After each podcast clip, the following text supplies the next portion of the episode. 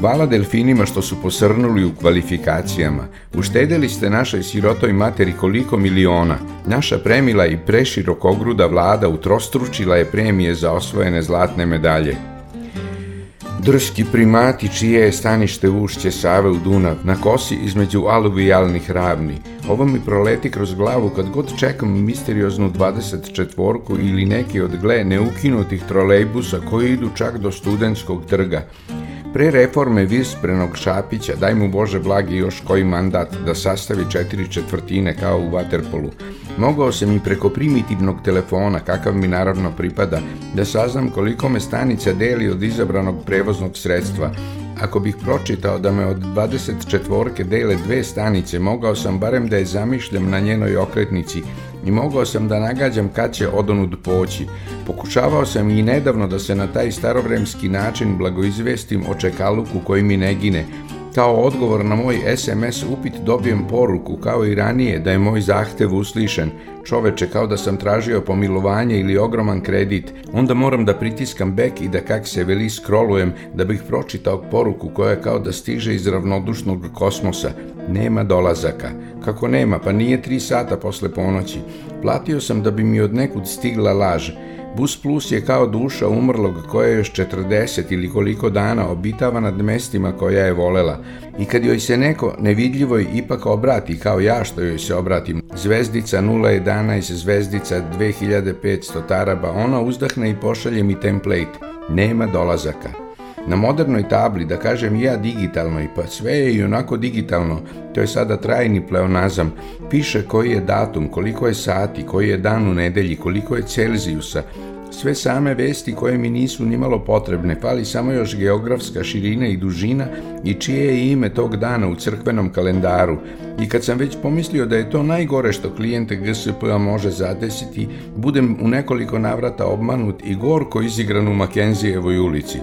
Trolejbus 29 stiže za 4 minuta, još 3 stanice. Dobro, odgovara mi. Malo kasnije piše da dolazi za 6 minuta, toliko mu treba za preostalih 5 stanica. Pa imali kakva padina kad crvenom krstu trola se otkačila i ide unazad, vozač trči na traške iza nje i peca žice, ali ih od straha promašuje. Potom 29-ka nestaje sa table da bi se obznanilo novo stanje stvari.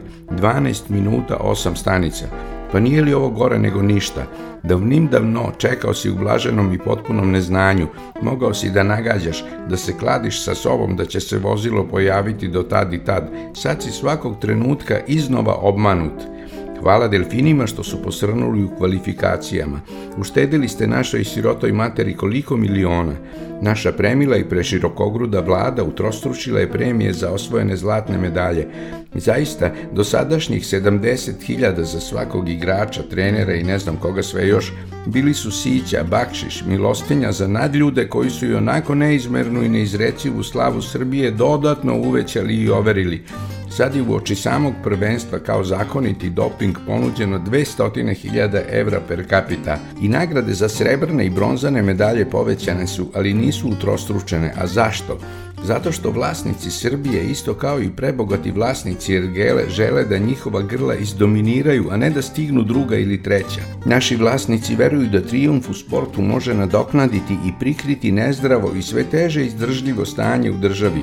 Zato su drugoplasirani i trećeplasirani sportisti dovedeni u neravnopravan položaj. Oni prirodno i razumljivo dobijaju manje nego osvajači zlatnih medalja, ali povišica koja im je obećana nije ni do kolena onoj koja se smeši zlatom ovenčanoj Srbadiji. Vlada Srbije ima smisla samo za najboljost. Nju dečiji, amaterski, rekreativni i masovni sport jedva da zanimaju. Krajičkom oka video sam kako neko od viših bića bulazni nešto o afirmaciji sporta. Nije to afirmacija sporta, to je san o nadčoveku koji će za svoj sportski podvig biti nagrađen novcem nišćih. Poruka mlađariji je da vredno trenira u nadi da će na jednom jedinom turniru zaslužiti naći penziju. Povrh toga dobiće, a pre navršene 30. godine novca, onoliko koliko prosečan proleter ne može da zaradi za čitav radni vek – Da i ne govorim milioniti put šta bi se sve moglo i moralo učiniti novcem koju vlada kraljevski baca sportistima, jer u njima vidi viša bića i reklamu države, kao da državi iole može pomoći reklama. Premijerki se napredovanje u retorici osladilo toliko da sad ne zna šta je dosta. Zaista, gde su granice ljudskih mogućnosti? Sve dok sam nevoljni anuškinih ranih, tugaljivih pokušaja da ovlada pučko-školskom sintaksom i da koliko toliko obogati rečnik, što me je podsjećalo na moje pokušaje, jednako mukotrpne i beznadežne, da se oduprem pauperizaciji, to jest da povećam koliko uzmognem svoje uboge prihode, Bisernovo govora Ane Brnabić su zacelo podguzne muve sa kojima je poistovetila pripadnike opozicije crkli Ovida Bogda, ali ima i sintagmi koje nisu toliko odvratne, a svedoče da predsjednica vlade sledi svog šefa. Razumela je da mora imati pripremljen fond uvreda. Verujem da ima i notesu koji zapisuje ono što joj se dopadne kod drugih govornika, kao i ono što joj samoj lično padne na pamet. Pametan piše, a budala pamti. Tako verujem da u beležnici AB Eto i u inicijalima ima i azbuku i abecedu. Rođena je znači za jezik i za jezičke kalambure. Smislila je epski debakl, misli se da kako na izrode iz oporbe, pa festival slabosti, posvećen onome zašto se zalaže proglas, čije je članove nazvala većem mudraca. Ono mudraca nalazim na internetu pod navodnicima. Da li je autorka sintagme prstima u vazduhu oponašala navodnike ili je pre nego što će izgovoriti mudraca pribegla maloj dramskoj cezuri i dozvolila da je na toj reči glas zadrhti, jer je to takođe način da se odglumi prezir i da se označi ironija. Uglavnom su poslenici medija mudrace ukrasili navodnicima, razumili su pravilna šta je govornica htela da kaže. Na vlasnika Srbije ugleda se svaki ma koliko neznatan bio njegov vazal, a svi su vazali njegovi. Tako se direktor Zavoda za statistiku drsko ruga novinarki. Ako ljudima u ličnoj karti stoji da stanuju u šahtu tom i tom na uglu tih i tih ulica, državi i zavodu je sve jedno koliko se njih tamo uguralo i kako pod zemljom žive dok ne izađu na biračko mesto. Tako i predsjednica vlade smatra svojom državničkom dužnošću da ima katalog gotovih uvreda. Pa dobro, evo nekoliko besplatnih izraza koji bi verujem mogli poslužiti kad se bude povela reč o budućim, nadam se, protestima opozicije. Karneval bez smisla, litija bez obraštine, sajam izdaje, izložba večnog neuspeha, nemaju silovitu rečitost podguznih muva, ali bi besednica mogla da ih razvije, razigra i da ih nakinđuri pa svojemu. Dobro čoveče, ali zar i ti ne vređaš gradsku kamarilu i upravu GSP ako ih zoveš primatima?